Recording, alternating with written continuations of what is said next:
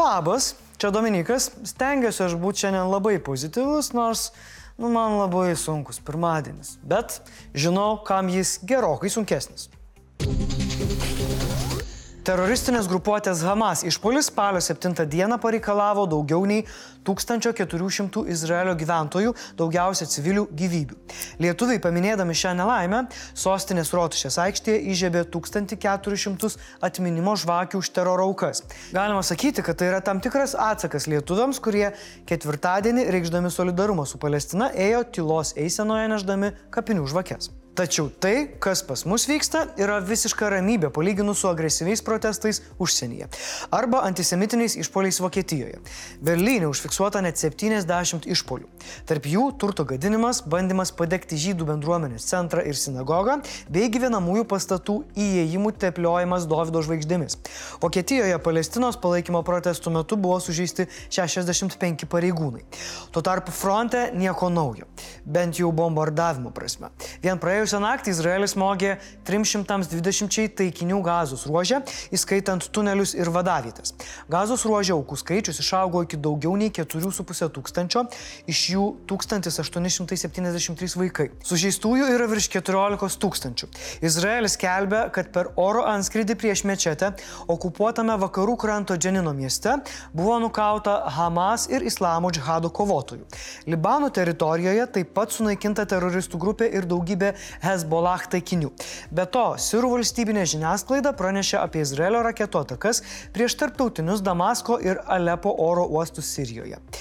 Per pastarąsias kelias valandas buvo gauta pranešimų apie sprogimus prie kelių gazos ligoninių. Vis dar neaišku, ar yra aukų. Sausumos operacija dar neprasidėjo, nors Izraelio kariai žemame starte. Tiesa, pasirodė informacijos, kad JAF ragina pasidėrėti dėl įkaitų. Beje, miršta ne tik teroristai ir civiliai, bet ir jungtinių tautų darbuotojai. Paskutiniais duomenimis gyvybė neteko net 29 gazoje dirbę žmonės, pusė jų buvo mokytojai. Tiesa, verta paminėti, kad Izraelio teigimu Hamas teroristai savo raketų paleidimo aikšteles specialiai įrengė prie jungtinių tautų pastatų, mokyklų ar kitų civilinių objektų. Izraelio kariuomenė sekmadienį bombarduodama palestiniečių anklavą netoli sienos su gazos ruožu netyčia apšaudė ir su tankų pataikė į egiptiečius. Yra informacijos, kad nesunkiai sužeisti bent septyni žmonės. Izraelis atsiprašė ir tyrė šį nesusipratimą. Beje, gali būti, kad siejant su šiuo incidentu didžiausias Lietuvoje kelionių organizatorius Testur nuo lapkričio pradžios nebeskraidins į Sinajaus pusęsalyje esantį Sharm al-Sheikho oro uosto Egipte. Taigi atostogas teks planuotis į Hurgadą. O dabar šiek tiek humanitarinių žinių. Nuo šeštadienio iš Egipto per Rafaho pasienio punktą, esantį maždaug už 3 km nuo Izraelio, į gazos ruožą įvažiavo 37 sunkvežimiai, gamenantis humanitarinę pagalbą, šeši iš jų su kūru, kuris yra kritiškai svarbus ligoninių darbo užtikrinimui. Deja, šis kiekis yra juokingai mažas. Pasak jungtinių tautų per dieną reikia mažiausiai 100 sunkvežimių su pagalbos prekiamis. ES užsienio politikos vadovas Josepas Borelis pirmadienį paragino sparčiau tiek tiekti pagalbą gazos ruožui. Nepaisydami bombardavimo ir Izraelio perspėjimų trauktis iš šiaurės, palestiniečiai nesijaučia saugus net pietuose, kur irgi pasitaiko atakų, todėl žmonės pradeda grįžti į savo namus. Net jei tai tik tai mažytis vilties blyksnis, mes turime tai pranešti. Putka vos nepadvėsi. Pasak žiniasklaidos, jam buvo sustojusi širdis. Kremliaus kriošeną rado gulinti ant grindų šalia lovos ir apversto stalo su maistu ir gėrimais. Deja, apsauginiai iškvietė medikus ir jie suspėjo laiku. Gaila neatsirado jų tarpe nei vieno didvyrio, kuris išgelbėtų pasaulį nuo blogio. O dabar spėkite, kiek kartų galima užlipti ant to paties grėblio. Vieną, du, tris, penkis. Jei esi rusų okupantas, tą gali padaryti nuolat, kaip tie vėl ir vėl atakuojantis Avdyivką, nepaisant katastrofiškų technikos ir mėsos nuostolių. Preliminariais duomenimis per pastarąją savaitę Avdyivkos kryptimi denacifikuota 6000 rusų okupantų. Analitikai sako, kad Mordoras ir toliau perkelia personalą šią kryptimį ir trauktis neketina. Ukrainos prezidentas teigia, kad pozicijos Avdyivkoje yra apsaugotos. Ir nieko keisto, kad orkai būtent šią akimirką pasirinko užimti Avdyivkai.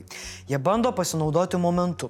Kol visas dėmesys nukreiptas į Hamas ir Izraelio karą, jie tikisi, jog sutriks parama ir ginkluotės tiekimas Ukrainai, nes tik tokiu atveju bunkerinis ir jo šutvė gali tikėtis pergalės. O jei Mordoras vis tik laimėtų, tai būtų prasta žinia ne tik visam sveikai mąstančiam pasauliui, bet ir mums patiems, nes dar nepraryja Ukrainos, jie jau svaigsta apie Baltijos šalis desertui. Panašiai kalbėjo ir JAV prezidentas Joe Bidenas, kuomet praėjusią savaitę kreipėsi į Amerikos žmonės. Jis ragino paremti dvi demokratijas, kuriuoms šiuo metu grėsia, kaip jis pats sako, egzistencinė grėsmė - tai Ukraina ir Izraelis. O kalbėdamas apie JAV lyderystę sakė, jog būtina telkti ir remti sąjungininkus bei šalis, kurios priešinasi tokiems režimams kaip Hamas ir Rusija. JAV prezidento šių dviejų teroristinių organizacijų sulyginimas Mordore išmušė visus kamščius ir ausise ir unitazuose. Neblogai matyti užkabino, kad bunkerinių širdis sustreikavo. Bidenas penktadienį paprašė milžiniško 105 milijardų JAV dolerių saugumo paketo, įskaitant 61 milijardo JAV dolerių karinės pagalbos Ukrainai ir 14 milijardų JAV dolerių Izraeliui ir pateikė savo argumentus. Jei Amerika nesugebės pademonstruoti savo lyderystės, konfliktai ir chaosas gali išplisti į kitas šalis, į Indijos ir Ramiojo vandenino regioną, į viduriniuosius rytus. Tačiau Kinijos grindų skuduras Rusija yra tik gelytės. Didžiausia JAV strateginė priešininkė Kinija taip pat nesnaudžia ir kryptingai eina konfrontacijos keliu bei palaipsniui augina savo karinę galę. Yra abejojančių, ar Amerika pajėgi temti kelis karus skirtingose pasaulio pusėse ir ar jai pačiai pakaks išteklių. Tačiau į tokias abejonės Bidenas atsakė taip. Are the wars in Israel and Ukraine more than the United States can take on at the same time? We're the United States of America, for God's sake. The most powerful nation in the history, not in the world, in the history of the world. The history of the world. We can take care of both of these and still maintain our overall international defense. We have the capacity to do this and we have an obligation to. And if we don't, who does? Kad Amerika per daug nenuskurstų, jūs taip pat galite padėti kariams Ukrainoje skambinami 1482. Dėl Remigijaus Žemaitaičio sudaryta specialioji komisija sako, kol kas nesulaukusi jo pasiaiškinimų. Antisemitiškai pasisakęs parlamentaras į posėdžius kvieštas visais būdais - raštu, žodžiu, telefonu, laiškais, viešai ir personaliai. Atsakymų kvietimus komisija žinoma negauna. Pats komisijos pirmininkas Arūnas Valinskas sako, kad reakcijos į Žemaitaičio tikriausiai ir nesulauks. Jis taip pat pridėjo, kad komisija apsisprendė nebedėti pastangų ir sprendimus priimti be Žemaitaičio liudijimų. Juos jie turi pateikti Seimui iki lapkričio 6 dienos. Padžiamaitaitis kiek anksčiau sakė, kad dalyvauti jo manimų neteisėtos komisijos posėdžiuose net neplanuoja. Tačiau apkaltos iniciatyva džiaugiasi. Nors komisijoje kurį laiką dirbo tik valdančiųjų partijų atstovai, tačiau po Žemaitaičio pasisakymų apie Hamas išpolius opozicija pakeitė savo nuomonę. Šiandien vykusio posėdžio metu prisijungus opozicijos atstovams buvo nutarta apklausti daugiau ekspertų.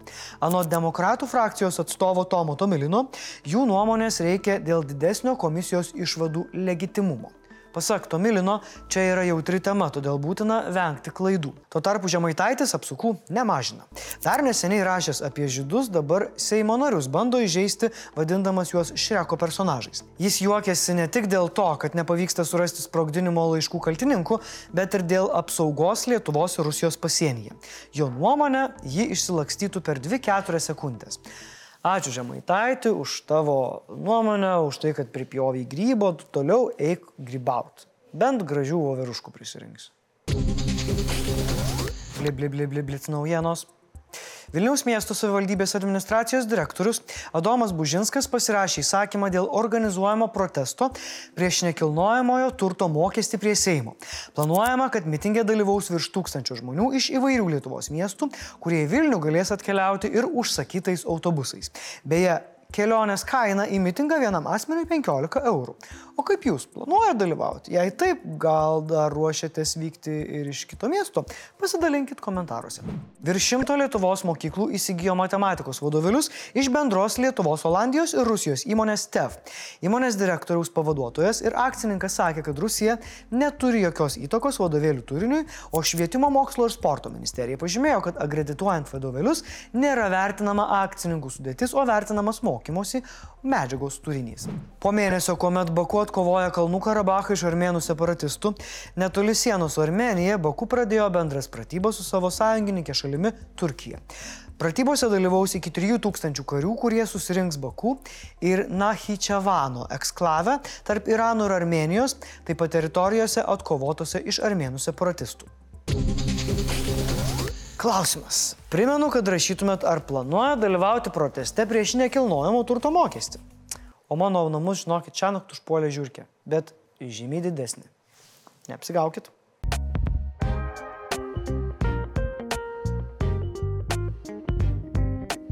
Komentarų metas. Tan, taram. Mūsų gerbėjas Tomas Šelbis moderuotai vartoja tiek žinių laidą. Nenorėdamas perdozuoti, pažiūri tik po epizodą kas mėnesį. Sakė, kad dar turime kur tobulėti. Ačiū Tomuk, susitiksim už mėnesio. Tuo tarpu Modestas Urbelis sako, kad anksčiau buvo geriau. Bairiai mūsų laidoje buvo juokingesni. Negaliu nesutikti modestai. Anksčiau ir karas buvo tik vienas, o dar anksčiau jo iš vis nebuvo. Ir oras geresnis, ir žemaitaitis mažiau antisemitas. Gal tik Rusija nesikeičia. Kai buvo teroristė, taip ir liko. Tai aš nebežinau, ką šiandien daugiau pasakyti. Tiek žinių. Iki.